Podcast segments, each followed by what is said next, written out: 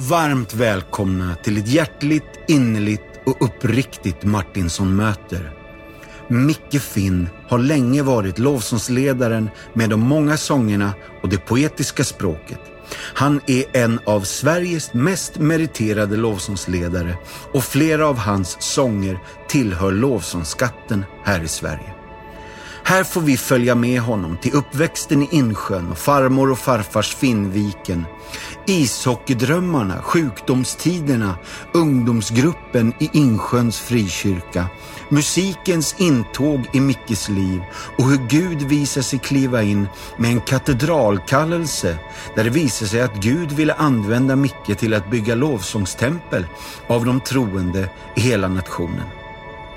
Micke tar oss med till den avgörande överlåtelsestunden med Gud i stugan och berättar sen om flytten till Stockholm, Bromma folkhögskola, församlingsplantering i Stockholm Vinja, sjukdomstiderna, Östmission, Blidö, bibelskola, levande stenar, skapandet av albumet, en dag i september, hur han träffar sin fru Åsa, skivorna och epoken med frisångfestivalerna. Tillsammans med ett lovsångskollektiv som kallar sig för Noise Village kommer de att ge ut flera sånger och den första ut hette Jag vill följa Jesus. Micke pratar också öppet och modigt om den svåra tiden från 2018 och sjukdomsperioden framåt med både ångest och psykisk ohälsa. Vi är övertygade om att hans berättelse kan ge både insikt, tröst och tillit till Gud genom stormarna. Han ger oss också avslutningsvis sina viktiga tankar om hur världen ska förvandlas, liv ska räddas, barn ska befrias och Gud ska få äran. Varmt välkommen till ett underbart och innerligt Martinsson-möte med Micke Finn!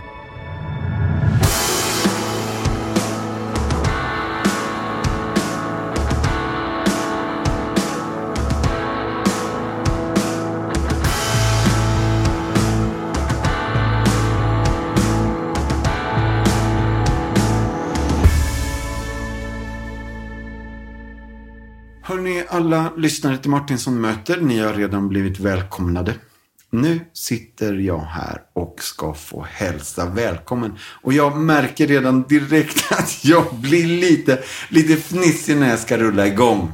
Men ett innerligt och ett hjärtligt varmt välkommen till Martinsson möter säger jag till dig, Micke Finn. Tack. Tack. Vad gött du. Mm. Alltså, det, jag vill ju rulla igång med massa grejer direkt, men jag ska inte göra det. Så här är det. Det är fem frågor från våra lyssnare. Mm. Är du beredd? Jajamän. Den första är Ester Jervis som är bild och formlärare i Motala. Och hon är även pastor också. Jag tror att i Motala ligger i Motala ligger ju i Östergötland. Det är inte bara tro utan det vet jag.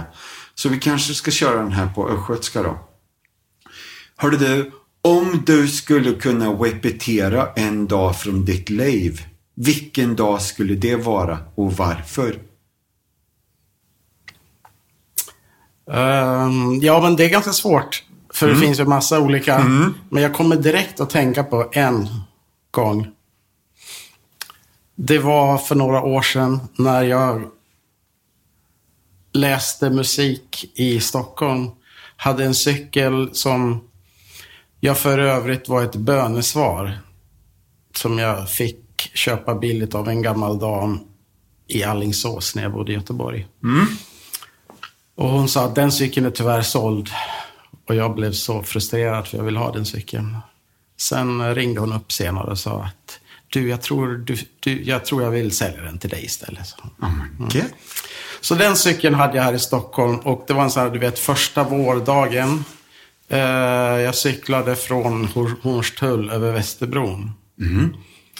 Och det blåser ju lite extra liksom på, Bro? på broar. Och man hade, ja, man hade shorts och t-shirt och det kändes som att liksom jag bara upplevde att det här är livet och det här är frihet på något sätt. Ja.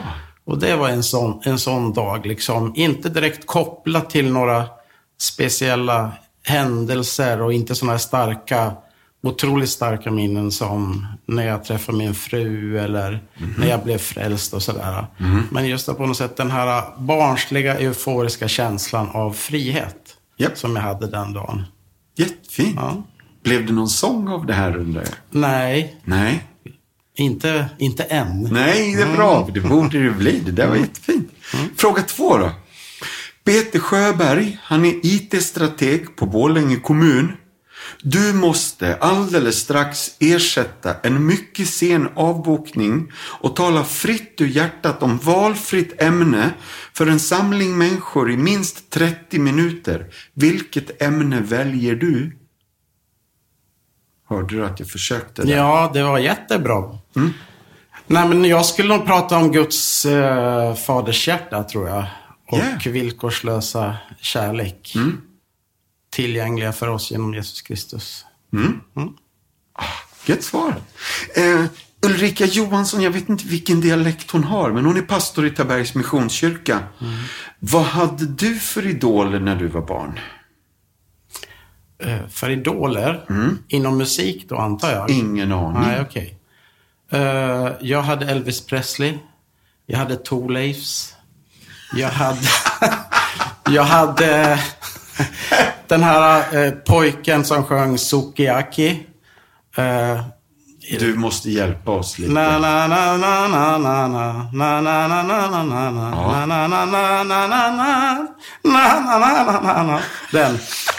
Eh, jag fick ju en, en skivspelare som min pappa hade haft. Då. Ja. Vet, en liten sån där och så lite skivor. Så det var liksom min, så det blev mina första idoler. Mm. Thorleifs var lite senare på kassettband då. Gråt inga tårar. Eh, så det var ju väldigt tidigt då, men det var mina första musikminnen. Det här är jättebra. Mm. Ehm, jag, jag, jag, det blir så många följdfrågor, men jag, jag hoppas Ulrika är glad. Ja, Näst- förlåt, förlåt. om Näst- Jag förstör. Nästa, du har inte förstört något. Nästa fråga är från en kille från Örebro som heter Micke Hallenius. Han är ju pastor i Mötesplatsen och, och lärare på ALT. Och han undrar, vilken person i Bibeln skulle du inte ta med dig på en fjällvandring?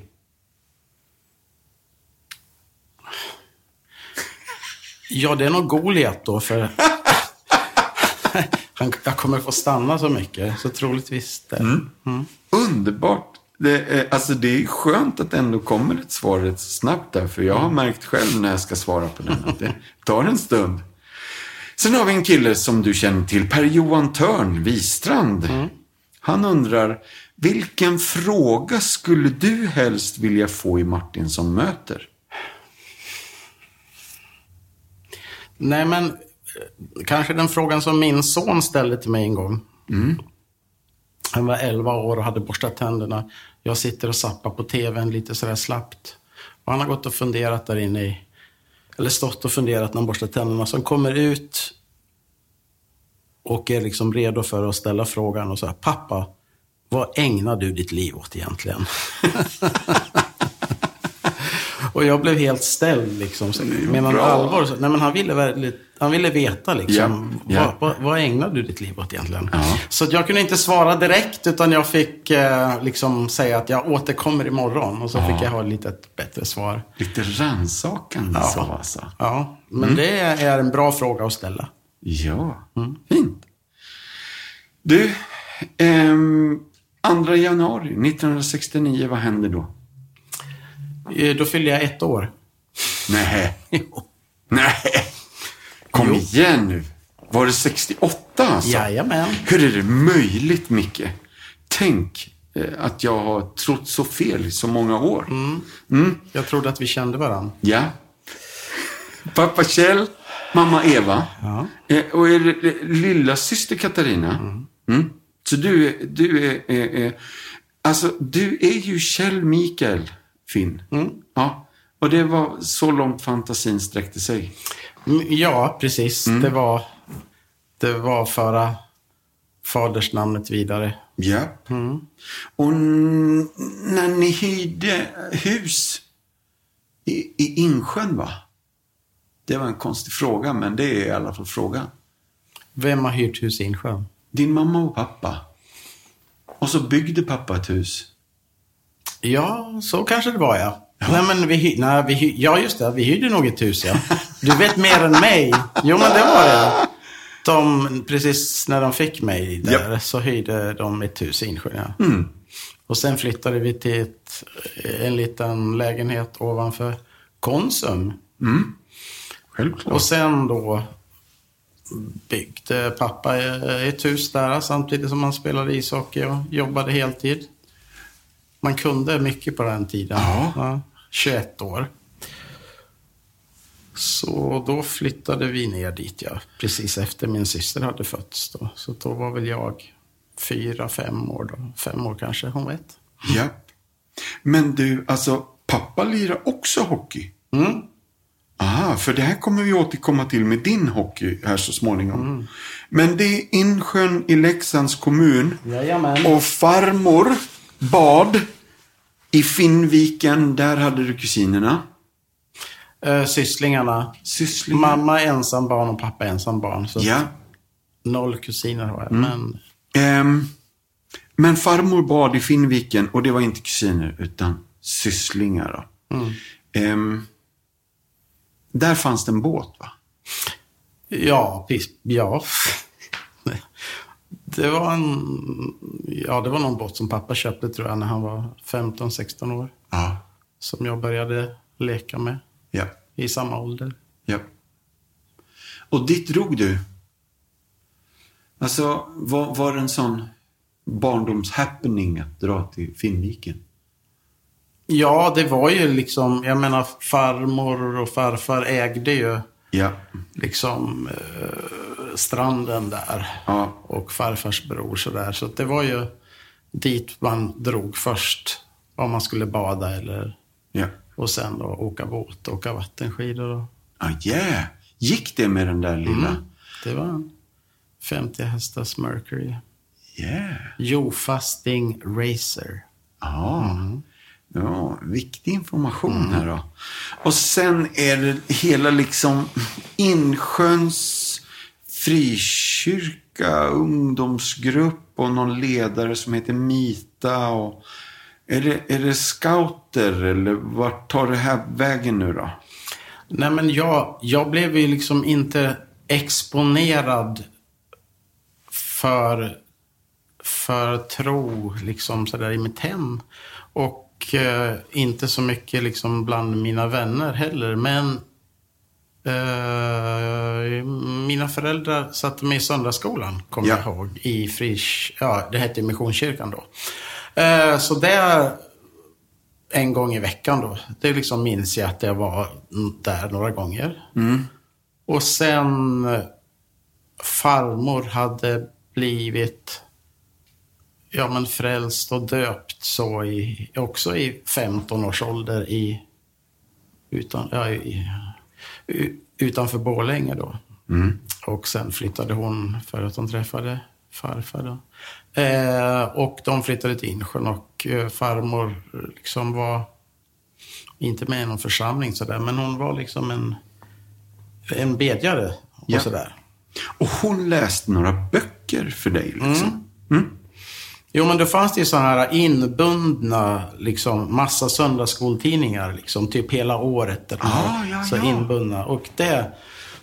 Så när jag brukar sova över där så brukar han alltid läsa, läsa från det. Liksom. Mm. Och då, så jag kände ju, liksom, jag kände just den här närvaron av Jesus när, ja, när jag fick eh, höra bibelberättelser och sådär. Ja. Jag förstod inte riktigt vad, vad det var och jag, vad jag skulle göra med det. Men jag kände att det var någonting. Ja. Och det här växte, alltså du var ju inne i ungdomsgruppsvängen här och det var en viktig era ändå. Ja, men precis. Det var ju all, liksom... Jag tror inte det finns någon... Inte många ungdomar, i alla fall på den tiden, som inte har liksom varit med i SMU och scoutverksamheten och så här och blivit även där då exponerad och... Ja, men... Ja, fått reda på vad kristen tro är och vem Jesus är och vad det handlar om. Just Så, det, så jag blev ju liksom med, med där. Men ja, det tog ju lite tid för mig. Jag fick ju några goda kristna kompisar sådär som bland annat Thomas, Thomas Andersson som ja men typ blev väl den som hjälpte mig att sätta ord på det jag känner. Ja, Eller, ja precis. coolt. Eh, alltså, och sen eh, är det någon stor era som eh, också är massa hockey. Ja, alltså från jag var sex år så, så var det ju ishockey som gällde. alltså. Ja. Ja. Så där och så är det kanske för många där också. Men det är, jag, alltså jag älskar sporten liksom sådär. Men, eh, ja, och men det tog mycket tid och det, ja, det blir mycket träningar väldigt snabbt. Ja. Sådär, så att det var liksom, ja men det var skola, skola, hockey och lite scouterna som jag på något sätt hann med. Ja. Och jag vet att det är liksom någon transition, någon växling mellan hockeyn och sen att börja skriva musik. Men eh, eh, hockeyeran, jag vet inte om den tog slut abrupt, men det var i alla fall några svullna körtlar som slog ut immunförsvaret och det blev lite heba buriba med, med hockeyandet. Och sen började skrivas mer musik och det uppmuntrades till det här i kyrkan. Men bara hjälp oss i... Ja, alltså jag... Eh, ja, det var väl typ i... När jag var runt 17 där som eh, jag... Eh, jag fick körtelfeber helt enkelt och blev liksom dålig. Eh, och den gick inte över och jag började liksom... Ja, men det, du vet, man känner sig att man har någon influensa sådär. Liksom. Men, och sen gick det aldrig över. Nej. Eh, och, och det var ju ett, ett par år som jag liksom ja, men, hade den här körtelproblematiken. Sådär. Och eh,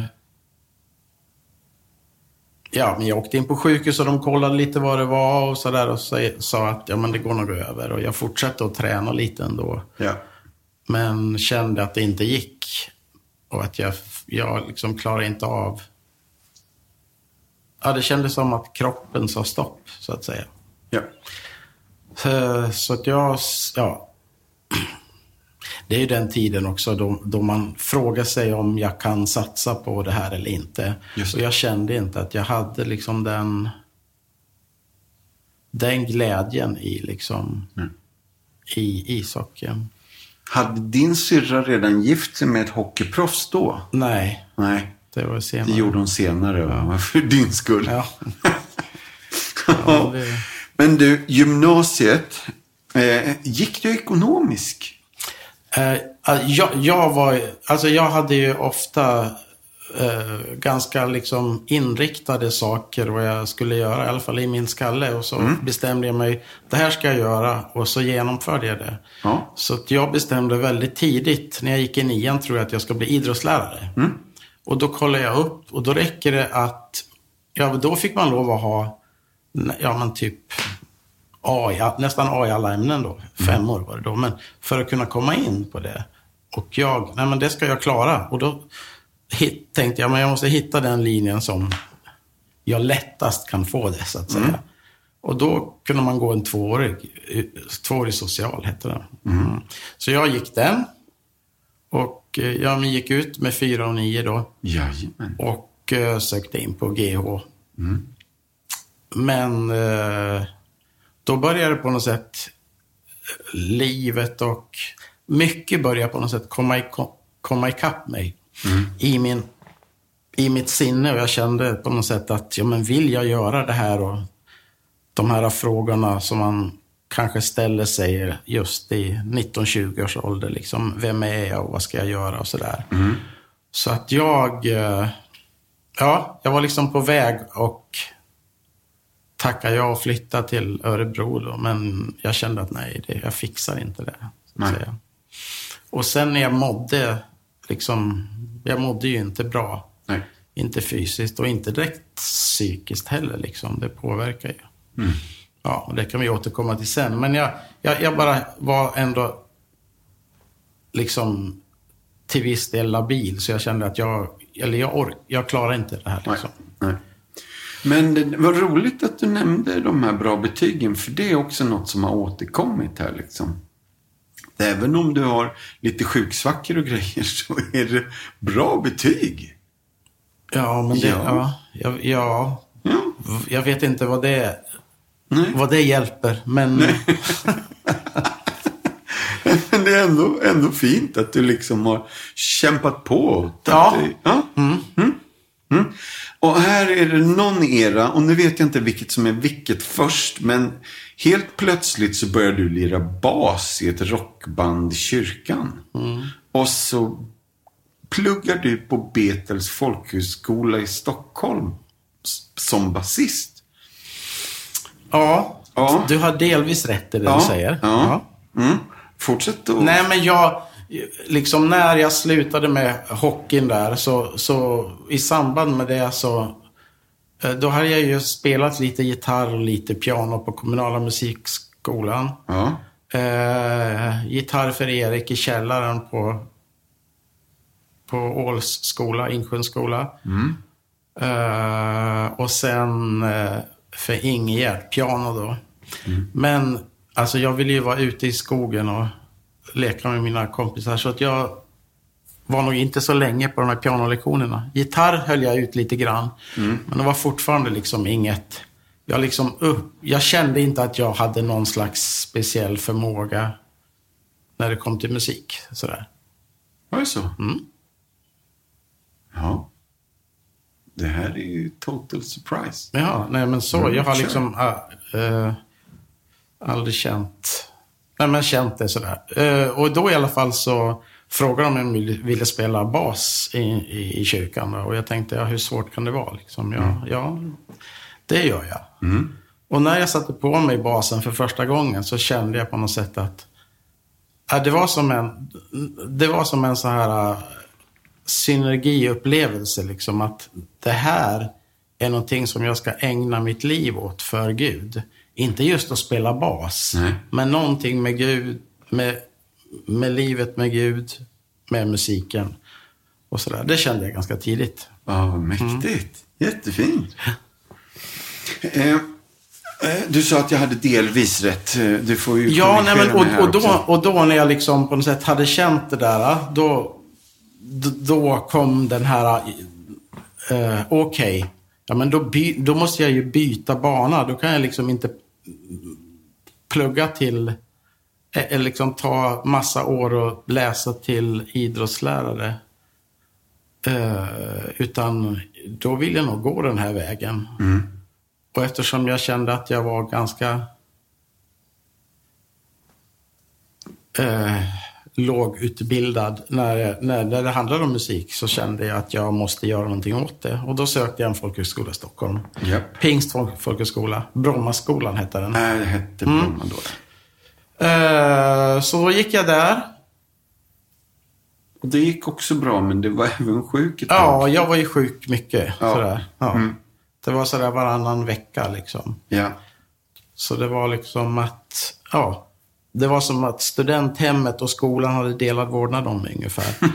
Sådär, så det var, men ja, det var en fin klass och jag liksom kände ändå att jag, ja men jag fick ut någonting av, av den tiden sådär. Att det var bra och jag hade liksom då börjat skriva lite musik Ja. och sådär. Och liksom sådär sakta men säkert ta de här stegen i att det här vill jag göra och det här vill jag göra för dig Gud.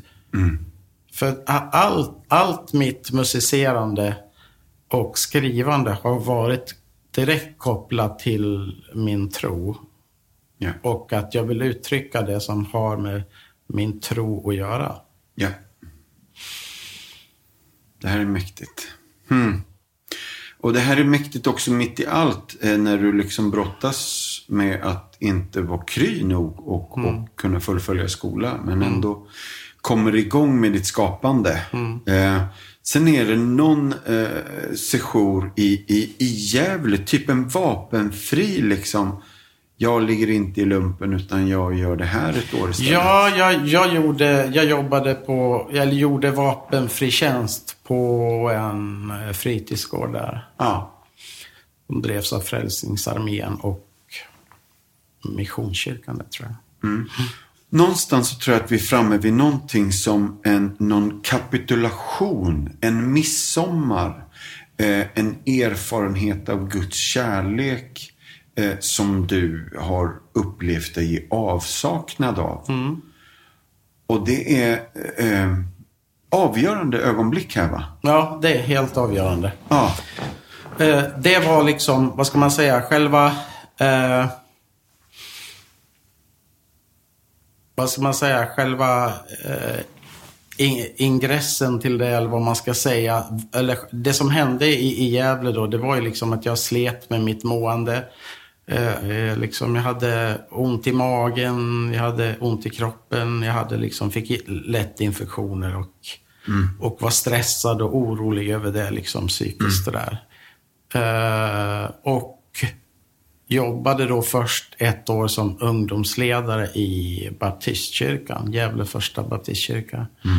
Och sen blev jag kvar ett år i Gävle och eh, gjorde min vapenfria tjänst då på Björsjö fritidsgård. Eh, men jag... Eh, ja, det blev liksom som ett... Jag gick ner ti, nästan 10 kilo. Jag vägde så här 52, eller 54 kilo vägde jag nog. Då när jag var som sämst och jag kunde liksom inte äta någonting. Då hade jag haft perioder där du hade mått ganska bra. Men det här är liksom slutfasen i min jävla period. Ja. Och då kände jag bara att liksom, jag klarar inte det här. Och nu är vi 89-90 någonstans Eh, eller? ja, precis. Mm. Det måste det vara, ja. Ja. Så att jag sa, jag fick höra av mig till mina föräldrar och säga liksom, jag klarar inte det, ni får komma och hämta mig, jag måste flytta hem. Ja. Eh, Så då tog jag mitt pick och pack och åkte tillbaka till föräldrahemmet och eh, ja, men kände mig ju väldigt... Ja, men jag mådde väldigt dåligt rent eh, både fysiskt och psykiskt för att jag har gått och Ja, men du vet, jag har gått och både känt och funderat liksom, vad, vad är det här sen den här körtelfebern kom? Liksom. Ja. Och det är svårt att veta riktigt vad som är vad. Liksom. Och det har tagit massa år att bena ut saker och ting där. Ja. Men eh, då var det i alla fall en, liksom en, en ständig känsla av ovisshet. Och kommer det här att bli bra någon gång? Samtidigt var min Guds relation inte riktigt bottnad liksom. Trots att jag tagit emot Jesus och trots att jag hade döpt mig och sådär. Så att jag ville liksom ändå, du vet, eh, leva mitt, jag ville ändå bestämma på något sätt hur jag lever mitt liv. Och, och samtidigt var jag väldigt eh, fundersam över, är det verkligen så här att känna sig som kristen? För jag upplevde aldrig någon Guds närvaro eller så här känsla av frid eller att liksom acceptans och Guds kärlek så som många liksom i min närhet vittnade om. Utan jag bara bestämde mig till slut liksom för att det här är sant. Och därför vill jag tro på det. Ja. Och sen gick åren och jag fick liksom aldrig någon erfarenhet av det. Så att jag hade så här mina duster med Gud. Då jag liksom låg och i sängen och grät och så här. Varför ska jag må så här? Och varför känner jag aldrig din närvaro? Och finns liksom sådär. Mm. Så när jag flyttade hem så var det med en väldigt stor uppgivenhet.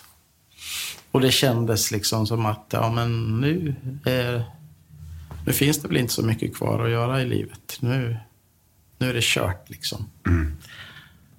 Eh, men då hade jag, ja, under min tid i Gävle så har jag skrivit liksom lite musik och börjat åka runt och sjunga mina sånger. Ja. Sådär. Mera låtar om Gud eller om tron liksom. Kanske inte så mycket självupplevt, utan mera vad andra har berättat. Mm. Eh, men när jag kom hem till Insjön så började Gud att arbeta i mitt hjärta, vad jag förstått nu efteråt. Att det är dags, Mikael, att ge, liksom, ge upp ditt liv för mig. Att lägga mm. ner din kamp. Just det. Låta honom vara herre helt enkelt Precis. istället för att du uh, bjuder in honom i släpkärra. Mm. Mm. Och det... Så då, då, då hade jag en, en...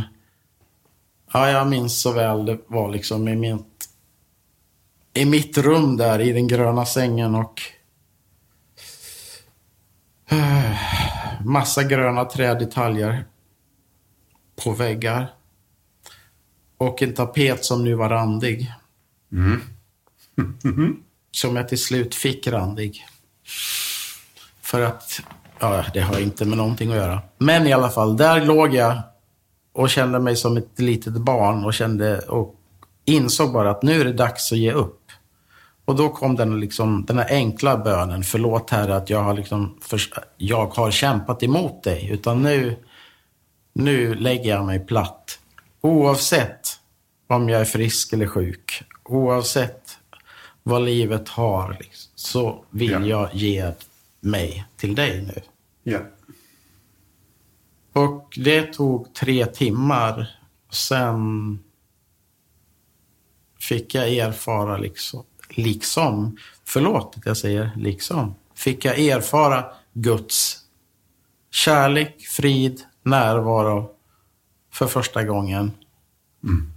Och ja, men på det djupaste sättet som jag ja, men någonsin kan efter det komma ihåg att jag har gjort någon annan gång. Utan det, mm. det var på något sätt... Ja, jag bara förstod att jag älskade honom. Ja. Och, och, det är nog. Mm. Och från det här gick du ut och lirade någon av de här låtarna? Ja, det var faktiskt, jag lirade, jag spelade en sång på en midsommarkonsert. Uh, ja. I tro att det här var sant. Aha.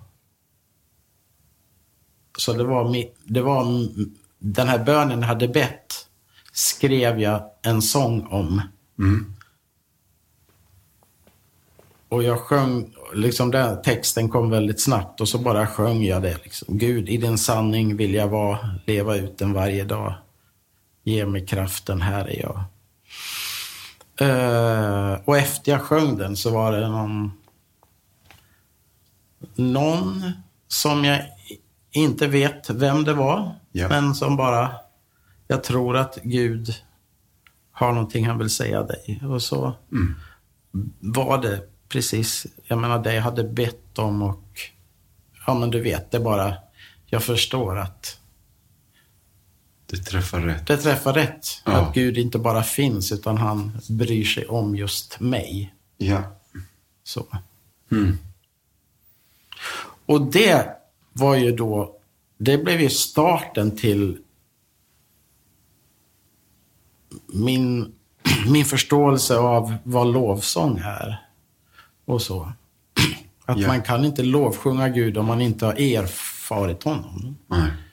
Men när man erfar honom så kan man inget annat än att tillbe honom. Nej, just. Så så var det. Så det var på något sätt starten. Så sångerna efter det fick ju en helt annan riktning. Och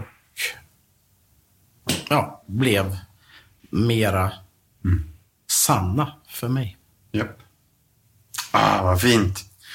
Mycket spännande. Vi måste bläddra vidare lite för det blir en era här som blir Stockholm mm. och Stockholm Vineyard som planteras som en församling.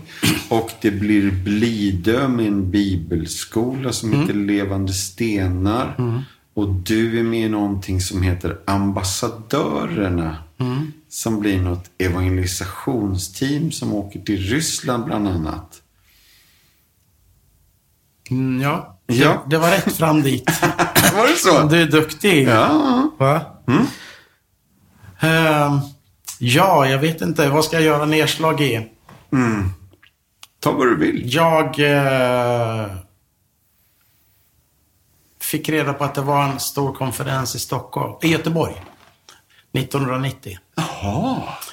Eh, och det, Med Bertil Jeppner och. John Wimber. ja, precis.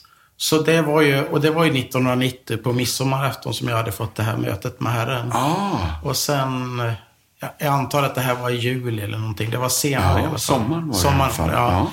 Så jag bara kände, liksom, jag vet inte hur jag fick reda på det där, men jag bara kände att det där måste jag åka på. yeah. Så det var jag och min vän Thomas Ja. som åkte ner på det. Och jag, eh, ja, jag sög i mig allting och när de berättade att det fanns, att de skulle, eller det fanns en skola, en lärjungaskola i USA som heter Ranchen då. Jaha. Tänkte jag så här, men den ska jag gå. Ja. Och sen eh, eh, efter ett tag så började jag tänka att ja, men, som jag mår och min problem med mat och min mage och sådär. Så jag bara tänkte, det kommer aldrig gå. Så jag började liksom be för att det skulle starta en skola i Sverige. Japp. Och lite senare, några år senare där så fick jag reda på att det startat en Vineyard-församling då i Stockholm. Att, och att de skulle starta en, en skola på Blidö utanför Norrtälje. Ja. Så då bestämde jag för att gå på den. Japp. Och det är den som heter Levande stenar. Yes. Och ambassadörerna var ganska rätt, men sen sa jag Ryssland. Ja, ambassadörerna, vi, vi, då hade vi något evangelisationsteam som var på Plattan och på Drottninggatan och så. Ja. Eh, efter vi hade gått den här tre månaders lärjungaskolan Levande Stenar då. ja. Så det var härliga tider. Ja. Var det något kollektiv också? Ja, vi bodde i kollektiv. Det var superbra. Ja. Med härliga vänner. ja. Johanner är nio år. Han bor med sin mamma Elis, fyra syskon och andra släktingar i ett litet trähus i Tolu, Colombia. Johanner har kämpat med undervikt och hans tillstånd blev sämre på grund av matkrisen som landet stod och fortfarande står inför. Jag blir ledsen när det inte finns någon mat hemma och jag ber till Gud om mat. Ibland när jag inte kan gå till skolan för att det inte finns något käk så blir jag orolig för att inte klara läsåret. Men sen blir jag glad när centret ger oss mat. Min favoritmat är ris. Hans mamma Elis är modig och strävar efter att komma framåt för barnens skull. Men hon har inget formellt jobb och det är svårt att försörja familjens behov.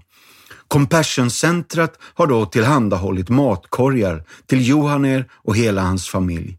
Det här har hjälpt honom att förbättra hans hälsa. Allian som är centrumchef berättar att det är viktigt att ge matkorgar till barnen eftersom det hjälper dem att vara friska och uppnå en god vikt. Dessutom ger det hopp och frid eftersom familjerna annars är oroliga och stressade när det helt enkelt inte finns någon mat hemma. Det är ett privilegium för mig att få vara en del av ett sånt här centra som praktiskt är Guds händer för att hjälpa dem som är i störst behov. Compassion och den lokala kyrkan hjälper barn och familjer under matkrisen som landet står inför, ger dem hopp och hjälper till att förbättra hälsan. Mamma Eli säger, det har fått mig att känna mig rädd att inte ha mat till mina barn. Ibland har jag inte ens bröd att ge dem och de är ledsna. Att då ta emot matkorgar från Compassion-centret är verkligen till hjälp. Det gör mina barn så lyckliga. Jag vill tacka centret och givarna för den hjälp de ger oss. Tack gode Gud att jag har mina barn registrerade i Compassion. Först och främst så önskar vi att du blir fadder till ett barn. Barnen i vår värld lider nöd och du kan hjälpa genom att bli fadder i Compassion. 360 kronor i månaden är en försumbar liten summa, säger Lasse Åberg. Gå in på www.compassion.se eller www.compassion.no. Och är du redan fadder, tack, men jag är lite modig här idag. Kan du tänka dig att bli fadder till ett barn till? Eller vill du ge en gåva till Compassions arbete i något av våra 27 länder? Ge en gave på VIPS nummer 14993. 14993. Eller i Sverige så är det via Swish. Då är det 90 03 64 1. 90 03 64 1. Tack för din gave. Nu är jag framme vid en epokavgörande händelse i svenskt kristet musikliv. För en platta som heter En dag i september blir av. Inspelas i Göteborg. Jag minns att vi sågs och sa hej utanför baptistkyrkan, tabernaklet och du höll på att lira in i Royal Music Studio med Lars Ekberg. Och, ja. I Pixbo. Var det Pixbo? Mm. Ja. Mm. Men det här, det här är ju viktigt. Micke, du vet hur många präster och pastorer som önskar att det ska bli en hel turné på den här plattan igen. Det vet du va? Nej. Ja, då får du reda på det nu. Mm. Det kommer du få höra ett tag här nu framöver. Mm. De vill ha en revival tour mm. på en dag i september. Är det 1995? Ja, det var då den släpptes, ja. Ja, just det. Ja. Mm. Så 94 var det väl den spelades in. Ja, mm. och det här är ju en era då det blir eh, en stor förnyelseprocess i Stockholm Vineyard mm. som påverkar många delar av kristenheten. Mm. Och på bara några år så är det så många, alltså hundratusen pers räknar man med, som har kommit på de här förnyelsegudstjänsterna. Mm. Berörts av Guds kärlek och i tårar varit med och sjungit eh, mm. Jag vill bo under ett vattenfall. Det här är ju jättemäktigt. Svensk kyrkohistoria, viktig kyrkohistoria. Mm. Eh, där du med de här sångerna som kom här då fick slå an tonen för många utav oss. Ja, det kanske är så. Mm. det är ju så konst, konstigt det där för att eh, jag bar ju bara några sånger i mitt hjärta. Mm. Och en nyfunnen kärlek till Jesus. Ja. Och en längtan efter en naturlig enkelhet i tro och tillbedjan och ja, lovsång. Ja. Uh, och det var väl med den ingången som, jag menar, vi, spel, vi spelade in den och vi hade jag tänker så generellt det här att man gör saker tillsammans. Att man har, man har ett litet frö som man tror att det här kanske Herren har. Mm. Men så delar man det med några andra. Och så blir det liksom att man lotsar varandra fram på en väg som just då kanske är rätt. Då. Så att jag kommer ihåg flera gånger att vi fick liksom korrigera varandra. Du vet, man får massa drömmar. Så där med en inspelning, att man, vi ska göra på det här sättet och, mm. och sådär. Så att vi fick be mycket och vi fick så här hjälpa varandra med att säga, nej men det ska nog bara vara så här. Mm. Eller sådär. Så, så, att det var ju jag och Lars Ekberg och Lasse Pettersson som på något sätt hade en liten trio där då vi, kanske inte de kommer ihåg, men jag kommer ihåg att vi bollade saker så fram och tillbaka. Yeah. Ja. Så. Jonas Henlund på elgura, Paul Börjesson på bas, eh, Johan Junstrand på trummor och Lars Ekberg som producent och alla keyboards. Alltså, Ja, det här är i sanning en epokavgörande platta, Micke.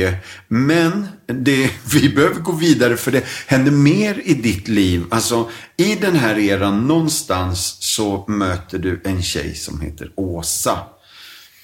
Ehm, jag vet inte riktigt hur, men jag tror att det är bröllop 1997. Och jag vill bara räcka upp handen och säga, var det inte på Öckerö också? Det var på Öckerö. Jättegött. Underbart. Och festen var på Hönö. Bj- Björkö. Var det Björk? Ja. Och du var magsjuk. Ah, lite feber på vinden vill jag minnas. Okej. ja, nej men eh, så var det. Det var ju, det var ju alltså. Jag flyttade ner till Göteborg. 96 då. För att eh, Ted Jeans som var lovsångspastor i Stockholm Vineyard skulle starta. Eller vara med och, Jajamän, och starta Göteborg, Göteborg. Ja, Vineyard. visst. Och jag eh, hade då sett den här Åsa på första raden på ett förnyelsemöte vara helt förlorad i Herren när jag ledde lovsång.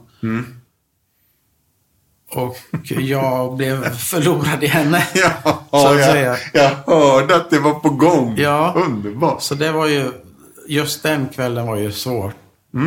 Men eh, sådär, och jag försökte ju forska lite i vem hon var och sådär. Och förstod att hon, ja, var en troende. Är det här samma kväll som dagen tar en närbild Ja, på henne det i förbönstillfället? Ja, just det. Ja, det. Det är ju en mycket speciell situation alltså. Ja, fin bild dock. Mm, den är fin. Ja. Men du, bröllop 97 i alla Yes. fall. Och s- sen fattar inte jag riktigt, för, för internet är inget bra här. Men plattan Spring, när skulle du säga att den är utgiven? Är det 98? 97. 97? Aha. Alltså det, det var svårigheter med att, att få datum på de här grejerna. Men sen är det Kanada. Du och Åsa åker till Kanada 99. Ja, Kommer du hälsa på Mattias och Therese när de går på ranchen våren 2000. stämmer. Och du har lite ont i magen Jag var ibland lite sådär. ynklig då, som Ja, ligger så många på vinden. Ja. Men du, Och, alltså... så, pi- och så piggnade jag till när det var filmvisning. Ja, när det var filmvisning. Jag vill minnas att det var Star Wars nere i stora klassrummet Mm. på storbildsvideo. Helt plötsligt så då var du väldigt pigg. Och... Då blev jag frisk. Ja.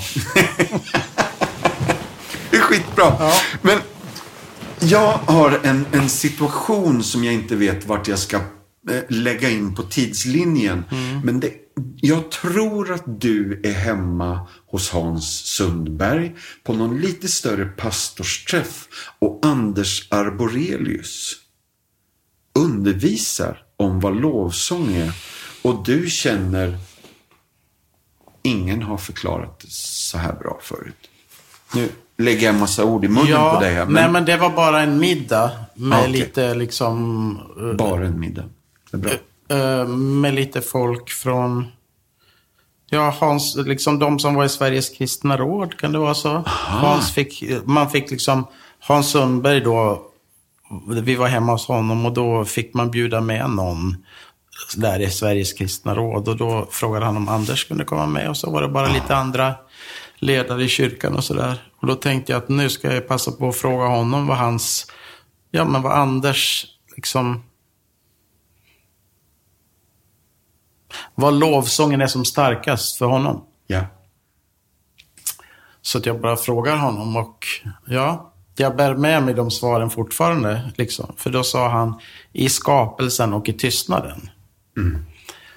Och ja, men det är så sant att där blir Gud som störst. Skapelsen talar sitt tydliga språk Ja. om vem Gud är. Och i tystnaden finns det inte ett enda ord som... Jag menar, varje ord vi säger gör Gud mindre. Ja. Även fast vi säger Herre, Herre, vad stor du är. Eh, och såklart, han älskar att vi... Han kan ta det. Ja. ja det Men bra. det finns något väldigt starkt i, i tystnaden. Ja. Ah, häftigt. Eh, sen är era söner födda, Joel eh, och, och 2000. Mm. Emanuel eh, 2003 mm. och Isak 2006. Mm. Och någonstans i den här eran så är det också så att Vineyard Music föds. Mm. Och Åsa och Micke och Mattias och Therese och David och Emily Åhlén får mm. frågan om att leda festivalen Frison. Är det 98 eller 99? 98 tror jag. Ja, så det var ju tidigare då. Ja. Just det. Och här har ganska många saker rullat igång. Mm. Med både dina egna skivproduktioner och flera liveproduktioner som vi fick äran att eh, göra. Mm. På Frissonfestivalen ungefär vartannat år i flera år här då. Mm. Och i den eran så blir du också lite ansvarig för Vineyard Music.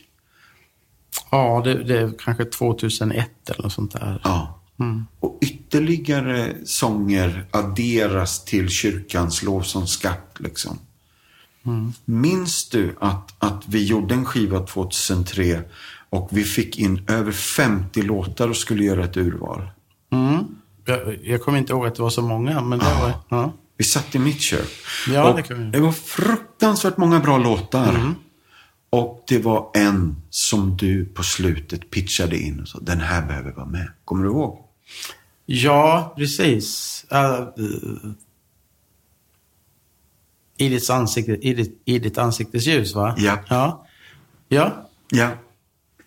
Och sen sitter man här 20 år senare och mm. bara, ja det var bra pitchat Micke. Ja, det har ju ingenting med mig att göra. Verkligen inte. Jocke Strandberg, Nej. tack! Ja, vi tackar Jocke tack, Strandberg Jocke. för det. Ja. Uh, och det är så, men det där också, alltså vi är ingen no man is an island liksom. Och det är så ofta som jag märker att saker hamnar rätt i gemenskap med andra och i samtal med andra. Mm. Det här med Guds väg och Guds tilltal och, och sådär. Ja. Uh, för jag hade, ja men den sången, eh, jag tyckte inte att den hade någonting, så att säga. Mm. Så att det var, uh, nej men, eller tyckte inte att den hade någonting, men jag tog mig inte tid att lyssna Precis. på den sången. Nej. Och så, så kan det vara för oss. Va? Vi behöver hjälpas åt och hitta. Det är som det här med, jag kommer tillbaka till det här med musik och skapande och så, för, eller livet man gör för Herren. Det är som att eh, vaska guld. Mm. Man liksom går ner och sen håller man på med den här uh, guldvaskarpannan eller vad det heter mm. och letar och ser man ser något guld. Och liksom ibland så kan man hitta det själv, men ibland så behöver man hjälp att se vad som är guld egentligen. Ja. Och det är det, det är det som kroppen, Kristi kropp är så finurligt, eller Guds tanke med, liksom, med det här med tillsammans är, är grejen. Att vi, ja, men vi behöver varandra för att hitta, hitta rätt. Ja. Och det var en sån, en sån sak. Det var flera andra som sa, den här sången har någonting. Mm. Och jag sa nej, men det tror jag inte. Men jag var glad att de stod på sig. Ja, och jag är glad att du stod på dig till slut. Ja, ja det är ja. så spännande. Mm. Eh, vi behöver skynda på lite märker jag. Men Det bästa i världen heter en platta som kom ut, jag på säga samtidigt som Isak 2006. Ja. Ja. Eh, och sen är det SMI Stockholm, du pluggar musik. Du är redan musiklärare ja, på någon precis, skola i Uppsala. Ja, precis. Jag har jobbat som musiklärare ett tag. Ja. Men jag pluggar, tar liksom bara en kandidatexamen i musikpedagogik på SMI. Mm. Mm. Segersta, Segerstaskolan i Knivsta, va? Där 2006 till 17. Mm. Det är länge ju. Mm. Och under den här eran så eh, är det liksom flera saker startar. Dalkarsås eh, eh, lovsångslinje får man kalla det va? Mm. 2014. Underbara dagar, sa jag det eller? Nej, men det är en underbar dag idag. Ja, men det är inte bara en låt utan en hel platta som kom ut 2013. Ja, just det. Japp. Eh, och sen också det bästa i världen. Alltså, rasar vi bara igenom massor av viktigt låtmaterial som verkligen har slått an toner i inte bara liksom Vinjardrörelsen utan kyrkan i stort. Mm. Alltså jag vill minnas att sången Underbara dagar Alltså när Therese och jag var på Hönökonferensen och det bara... Den sa någonting till så många och gav sån enorm trygghet och tröst. Och den är, bygger på att du gick förbi ett bibliotek där du såg Olof Palmes memoarer. Ja, en, nej, en bok om en, en, en, författare som heter Henrik Berggren hade skrivit en bok. Så jag såg en löpsedel om den boken. Ah. Som heter Underbara dagar framför oss. Ah, Så det är inspirationen till, ah, till liksom att också få lägga det, livet i Guds händer. ja. Och sen var det väl några skolelever som liksom, vad ska vi göra efter nian? Vilken, så här. Jo, men det, det var en, det var en sån här betydande period på, på skolan som hette Segerstadsskolan, som heter Wallåksskolan nu. Men eh, då var vi ett gäng där på skolan som ja, hade mycket kreativa idéer. Ja. Eh, Så bland annat någon jättemaxad Nobelfest som vi hade. Och då, precis innan den Nobelfesten, så kom de här verserna till Underbara dagar. För jag hade bara refrängen först. Ja. Just, ja, men just att det liksom... Ja, men en ny dag fylld av förväntan, vad kommer att ske? Ja. Det är liksom just att det finns en, en framtidstro och ett, ja, men någonting nytt, spännande liksom i luften. Ja. Så, det, så den har jag sjungit mycket på skolan. Ja. ja. Vi med. Varje student, när jag har varit ute på Öckerö, så måste den sjungas.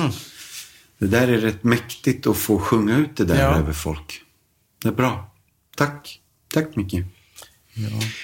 Nu tror jag vi är framme vid 2018 om vi har skyndat oss lite. Och här kommer en längre tids sjukdom. Alltså, och, och om vi tycker att de tidigare gångerna har varit många så får vi säga att det här blir en lång. Och de första två åren är liksom...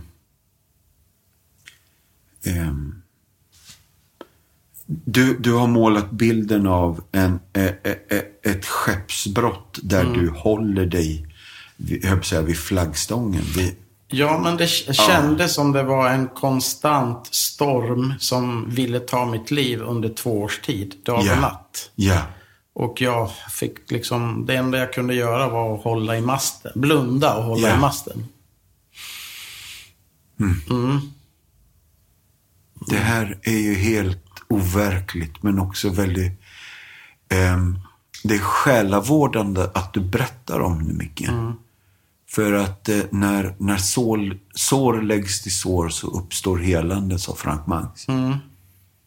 Ehm, så jag är så tacksam att du, att du pratar om det. Kan du sätta lite fler ord på det här? Ja, jag vet inte, kan jag få backa lite grann? Liksom Ja, där? För att jag, kör. Jag menar, jag har ju haft några sådana här dalar då, som både har liksom varit fysiskt och psykiskt och sådär. Men 2006, Mm. så eh, när vi flyttade från Stockholm till Uppsala, så då eh, brakade jag. Och eh, ja, både psykiskt och fysiskt. Och eh, jag bara liksom sa till Herre, liksom, vad, Herre hjälp mig. Vad ska jag göra? Och då, då fick jag ett namn i huvudet. eh, På en person som jag inte visste vem det var. Så jag tänkte att men det var mina egna tankar. Så jag bara kastade det. Sen någon dag senare, en morgon, nästa morgon när jag vaknade, eller några månader senare, så fick jag samma namn i huvudet. Så jag tänkte att okej, det kanske är Gud som säger någonting. Så jag började googla på det där. Och då visade det sig att han är överläkare på en klinik i, ja, i södra Sverige. Igen, det här har jag glömt. Det Ja, här är okej. så bra. Ja, men då ringde jag. Så jag, ring, jag tar mig mod och ringer honom då. Och det är en sköterska som svarar och frågar om jag känner honom. Nej, sa jag. Är du hans patient? Nej, det är jag inte heller. Ja, ja, vi tar ditt nummer då bara, sa han. Och så ringer han upp mig senare. Ja.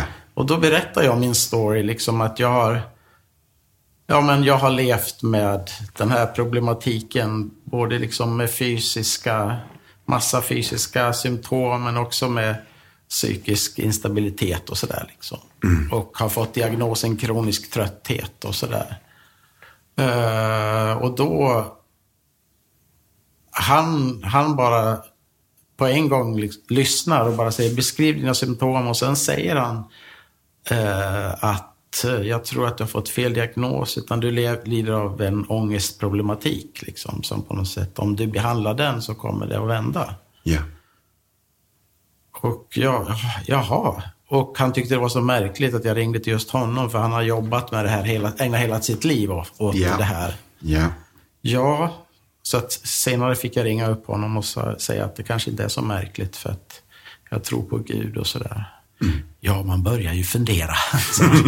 ja, ja nej, men, och det, det var härligt. Och det ledde ju till att jag bara ja, på ett halvår blev eh, bra. Sådär. Yeah. Yeah. Jag hade liksom full, full kraft, jag kunde börja träna. Jag mådde bra. Och då blev jag... Jag ville ta den här backstory för att jag blev lite för kaxig. Att jag bara tänker att nu kan jag göra vad som helst. Mm. Och jag slutade lämna in bilen på besiktning. Yeah. Alltså min själ och sådär. Så yeah. att jag började liksom köra på, lägga till det ena och det andra. För att jag kände mig så stark och mm. liksom nu ska jag leva livet för Gud, eller göra sak, mycket yeah. saker för Gud och sådär. Men sen då så 2018 eh, så kapsejsade båten helt och hållet. Mm. Och eh, ja, jag trodde att jag skulle dö. Jag hade konstant panikångest. Jag hade vänner som körde mig upp till psykakuten eh, flera gånger. Och eh, jag kunde absolut inte sova, för jag hade så panikångest. Jag kunde inte vara vaken. Uh, jag hade en total overklighetskänsla som jag aldrig har upplevt förut. Så mm. det känns som man står och tittar på liksom, att, att det är en film, allt är en film. Jag är yeah. liksom inte med i matchen. Yep. Och jag orkade ingenting. Så första året så låg jag bara. Och sen andra året så började jag gå lite grann. Men hade sån var både utmattad och så mycket ångest. Mm. Och då hade jag... Min kära fru brukar ju uh, få... Hon hör Gud bättre än mig många gånger. Så hon fick bara ett litet ord sådär att det kom, ja, det kommer att ta tid för jag gör ett fullständigt verk. Mm. Sådär, precis när det här började. Mm. Uh, och det har hjälpt mig mycket. Och initialt så har jag fått mycket... Jag har fått många ord från olika personer som har sagt att jag tror att det kommer att komma in en storm, men Herren är i det. Och det, liksom, mm. det kommer att komma något gott ur det. och sådär. Yeah. Men håll fast vid Håll fast vid masten. Yeah. Och det där att på något sätt hålla fast vid Gud när man inte känner det, det är inte så lätt. Nej. Speciellt inte när det går månad efter månad och, mm. och sådär. Så det har ju varit perioder då jag har gått och tittat vid väg 288 och tänkt att ja, men, det är inte att jag vill ta livet av mig, men jag orkar inte leva. Nej. Så. Men då har det ändå kommit det här att liksom hålla fast vid masten. Och jag har haft så mycket vänner och, ja, i kyrkan och omkring mig som har liksom, ja, stått vid min sida sådär. Ja. Som har hjälpt mig. Och sen fick jag en ny läkare, en annan medicin och förbön. Och helt plötsligt så började ljuset sippra in i liksom en någonstans på ett litet ställe. Mm. Och då kände jag liksom att det där ljuset, det måste jag gripa tag i. Ja. och inte släppa det. Mm. Och varje gång jag gjorde det så blev det där ljuset större och större. Mm. Och sen har jag ja, fått bearbeta många saker i mitt liv som jag inte riktigt har gjort upp med helt. Mm. Framförallt dödsfruktan. Yeah. Som på något sätt ändå har följt mig, trots att jag är kristen och älskar Jesus, har det funnits där som någon slags svart, som en skugga, liksom, som har liksom legat över. Yeah. Sådär. Som, ja, känns som den har raderats bort nu. Yeah. Så jag är så tacksam för att ja, att jag har liksom kommit igenom det värsta. Och sen tror jag det är ja, men andra som, jag menar, som lever, som på något sätt har kanske gått, levt, eller levt igenom ett, ett beroende. Att inte vara för kaxig när man har tagit sig igenom det. Mm. Utan se att liksom, inte, inte bara tro att man är liksom stål, en stålman efter det. Nej utan mera vara ödmjuk inför mm. att saker och ting kan hända.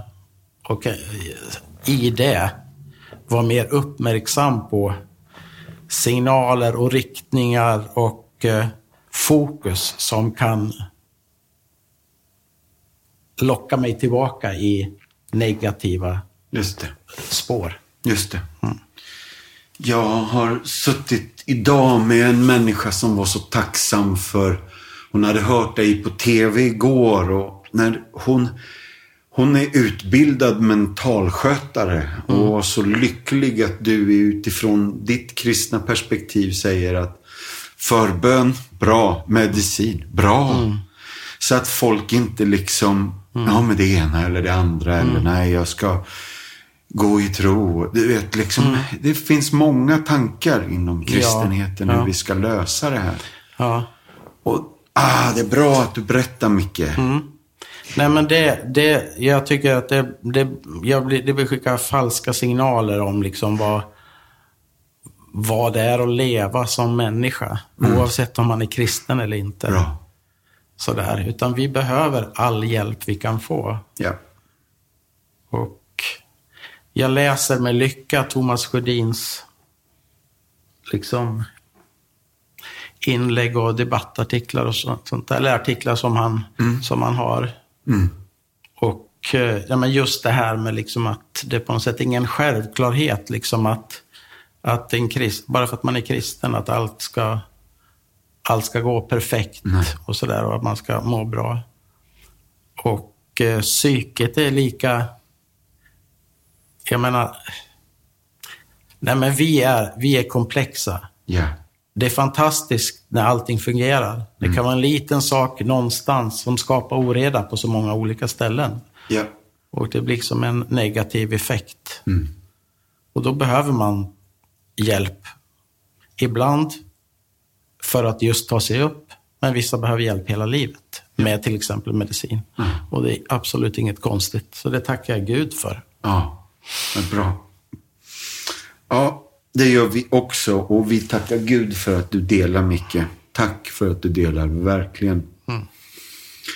Du, nu är vi liksom framme vid 2023 och Noise Village och ett stort gäng lovsångare i hela landet äh, möttes äh, i Örebro eh, lovsjung och tillbad och skrev sånger för något år sedan, eller mm. ja, en tid sedan. Mm.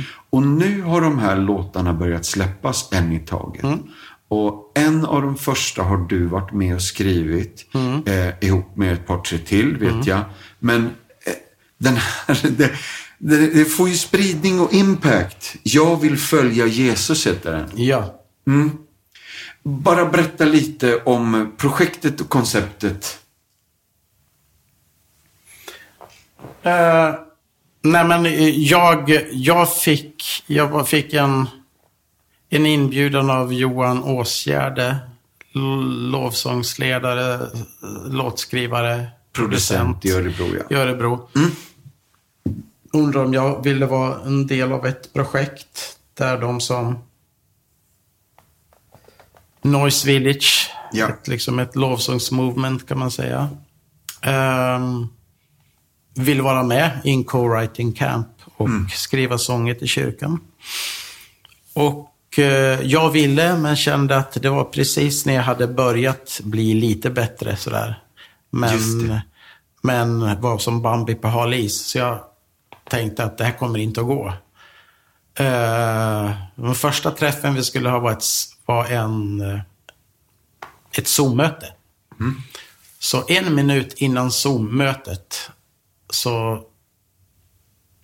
fick jag bara en ingivelse att jag ska nog vara med på det här. Så innan hade jag hela tiden tänkt att jag ska inte. Så en minut innan så bara, nej men jag kopplar upp mig. Och jag kände direkt att det här ska jag göra. Oavsett hur jag, liksom, hur mycket energi och ork jag har. Utan jag ska vara med på det här. Så sen så träffades vi i september för ett och ett halvt år sedan då. 2021 blir det väl. Och det var precis då liksom restriktionerna började släppas men ändå inte, eller det var lite sådär. Och det var ganska, nog ganska många som inte hade ja, men kunnat vara ute och göra saker sådär. Det, blev en, det var en väldigt fin timing på det hela. Ja. Där vi kunde mötas och bara fråga Herren, liksom, är det några sånger som du har på ditt hjärta som du vill ge oss nåden och skriva? Så den här Jag vill följa Jesus, den hade jag sjungit bara en enkel vers under de här åren då jag satt och höll ma- masten. Ja. Så sjöng jag det. Och ja, den betjänade mig. Så, så jag bara nämnde den när vi var i en co-writing session. Att ja, men jag har den här lilla, lilla sången. Och de andra där bara tyckte att ja, men här gör vi någonting med. Och så skrev vi lite mera verser. Och Johan kom på ett, ett stick. Väldigt enkel sång egentligen, men ja, men en längtan att överlåta sig till honom. Yes. Och det här är, är början på, på... Det kommer fler låtar helt enkelt. Ja, det blir fem låtar som yes. släpps nu. Yes. Så. Ruskigt spännande. Vilken, eh, vilken glädje. Alltså, ni har ju även spelat in liksom... Ni, ni lirade in allt det här live i ett ganska stort studierum. Ja. Med alla på plats. Både musiker och sångare. Och, ja, det, det finns ju YouTube-klipp på hela grejen också. Ja. Yes. Nej, men det, det, det är jättehärligt och jag älskar eh, den visionen som, som de bär på. Eh, så att vi vill bara förvalta det som Gud har gett, gett våra hjärtan. Och vi vill inte bara förvalta det genom att, eh, att tillbe, utan vi vill också förvalta det genom att trycka på räck. Ja. Sådär, och se om det är något som, som är till för andra, så att säga. Så det här är liksom en, en, ett förstlingsfrukt av, av det. Ja. Ruskigt spännande. Vi gläder oss åt att Ja. det, det är det fler på gång här. Precis, och det är väldigt, jag tycker det är så fantastiskt det som sker runt om, runt om i Sverige av, av projekt. Eh, där det finns liksom en slags naturlig bara öppenhet och längtan liksom i att Mm. sjunga ut Guds lov och skriva nya sånger och betjäna, betjäna Gud och människor med, med nya lovsånger. Ja. Det kan aldrig skrivas för lite lovsånger. Nej, bra, kom igen Micke. Mm. Du, sista frågan då. Du är våran Moder Teresa eller våran Bono idag här och Martinsson möter är en podcast som drivs av Compassion. Mm. Inte bara medlidande utan organisationen Compassion och vi vill ju befria barn ifrån fattigdom i Jesu namn. Så om vi avslutningsvis ställer den lilla frågan till dig Micke. Hur ska vi utrota fattigdomen i världen? Ja, det är en gigantisk fråga. Jag, en sak som jag vill, jag vill, säga här och det är att, att öva sig i eh, utgivande kärlek där man inte förväntar sig att få någonting tillbaka. Just det. Är ju att liksom praktisera det och försöka praktisera det regelbundet. Ja. Och nästan sätta det i system för sig själv. Att förstå att livet handlar liksom inte om kickar jag får, en slags motprestation. Mm. Utan att eh, Och där då, där tror jag liksom Nej, men jag tänker i allt man gör så är det så lätt att det finns en självisk tanke med i det. Mm. Och så fort det finns någonting som man kan haka i som jag på något sätt kan få ut av det. Mm. Eller bara liksom, ja men jag var nog ganska bra där ändå. Mm. Uh, och det är inte, det är såklart att vi ska glädjas liksom mm, så. Men just den här, jag menar den här kärleken då man inte vet vad den andra handen gör, så att Just säga. Det. Lite mer villkorslös Villkorslösa kärleken. Ja. Uh, som inte är beroende på någonting, någon tanke jag har eller får eller vad ska det här leda till. Mm. sånt där. Det tror jag i alla fall är en, en start för att kunna besegra liksom, fattigdomen i världen. Yep. Att börja liksom, ja, det låter klyschigt att börja i det lilla, men just det här att det även i det lilla så kan det bli att man gör det lilla där man märker att man kan få någonting ja, utav ja. det. Och det, det där är inte bara klyschigt, utan det finns ju en anledning till det. Det är ju statistik bakom. Alltså. Gör vi det lilla långsiktigt, mm. så vinner det. Mm. liksom, mm. Det är mäktigt. Ja, man, man får ju inte bra tänder genom att gå till tandläkaren en gång per år, utan Nej. det är att borsta tänderna varje dag. Yes. Liksom. Så det är ju just att göra det här. Och eh, det är såklart att det finns ju alltid en fara i att du vet, sätta saker i system så att man själv blir liksom frånkopplad från det. Så att man bara kan se på det utifrån att ja, det här sköter sig. Liksom så att säga. Mm. Visst kan den, jag vet inte om du förstår mig. Ja, men jag fattar. Ja, så att det, det är såklart det finns en fara i det. Men att jag tror att, att kunna vara känslomässigt engagerad i någonting där jag inte förväntar mig att få någonting tillbaka. Det tror jag är the thing. Mäktigt. Mm. Mm. Du, Micke. Tack snälla för att du är den du är och för att du delar med oss eh, det, det du är och den du är och det som har hänt dig och händer dig. Tack också för att ni är de ni är, du och Åsa, och att ni gör det ni gör. Och tack för de sånger du har gett, du har skrivit som via din penna eller era hjärtan på något sätt har nått svensk kristenhet. För att det här har gett oss inte bara tröst och trots i tillbedjan utan hopp och förnyad iver att också vi vågar närma oss Jesus och våga följa honom igen. Så ett stort tack eh, för att du kom till Martinsson möter idag också. Ruskigt mysigt Micke. Mm. Vi ser så fram emot den här turnén också med en dag i september. Ja. Mm. Ge mig en lista på pastorer. Slut för idag hörni. Tack, tack snälla för idag.